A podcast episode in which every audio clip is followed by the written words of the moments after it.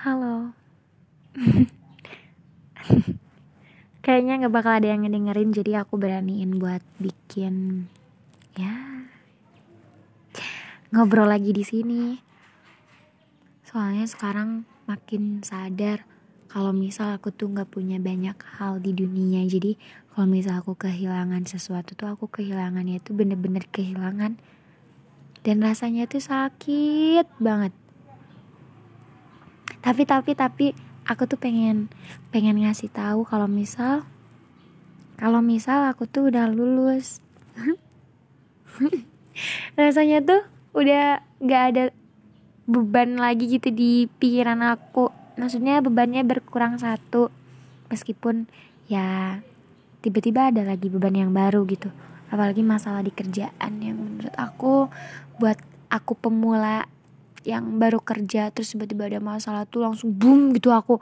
Aku kan manusia dengan penuh overthinkingan jadi kalau misalnya ada sesuatu tuh malah jadi makin down. Terus aku nggak punya tempat atau aku nggak punya orang terkasih yang bisa ngedengerin cerita bahagia dan sedihnya aku tuh rasanya aku tuh gak sanggup. Sumpah alay banget sumpah. Aku nggak tahu mau cerita apa tapi tiba-tiba aku kepikiran yang backstreet.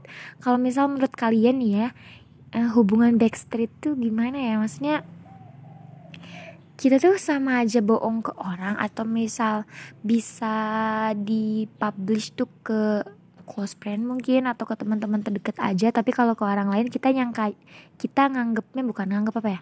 Kita kita kita ngakunya tuh ya single gitu padahal kan udah punya pacar tapi si pacarnya tuh pengen backstreet. Nah nah menurut menurut kalian yang denger tapi kayaknya nggak bakalan ada yang denger. Tapi aku tuh nggak tahu aku tuh pengen pengen banget uh, bahas tentang backstreet ini loh. Aku tuh penasaran sama orang-orang backstreet maksudnya tuh kayak gimana?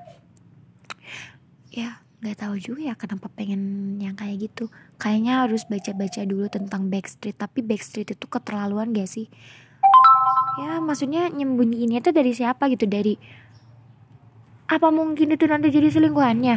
Atau mungkin takut restu dari mama papanya atau dari keluarganya? Atau misal dengan alibinya aku tuh takut diceng-cengin sama saudara aku. Aku tuh takut eh, nggak uh, gak mau ketahuan oleh keluarga aku kalau aku tuh ya pacaran gitu. Padahal kan ya kalau di umur di umur kayak 25, 24, 24 jadinya. Jadi inget teh upet. Tapi teh upet enak gak sih? Itu kan yang dingin. Maksudnya es teh upet ada gak sih? Kayaknya ada es teh upet. Tapi kalau misal nanti tiba-tiba ada semut yang ngerubuninnya berarti itu manis. Apa sih? Sumpah ngaco banget ini kalau weekend. Ya udah seharusnya aku udah tidur lagi. Ya udah terima kasih buat yang mau ngedengerin. Tapi ini pasti yang ngedengerinnya adalah uh, Taehyung ngedengerin gak ya? Astagfirullahaladzim ya kenapa aku bucin banget sama Taehyung karena aku suka. Oke okay, bye bye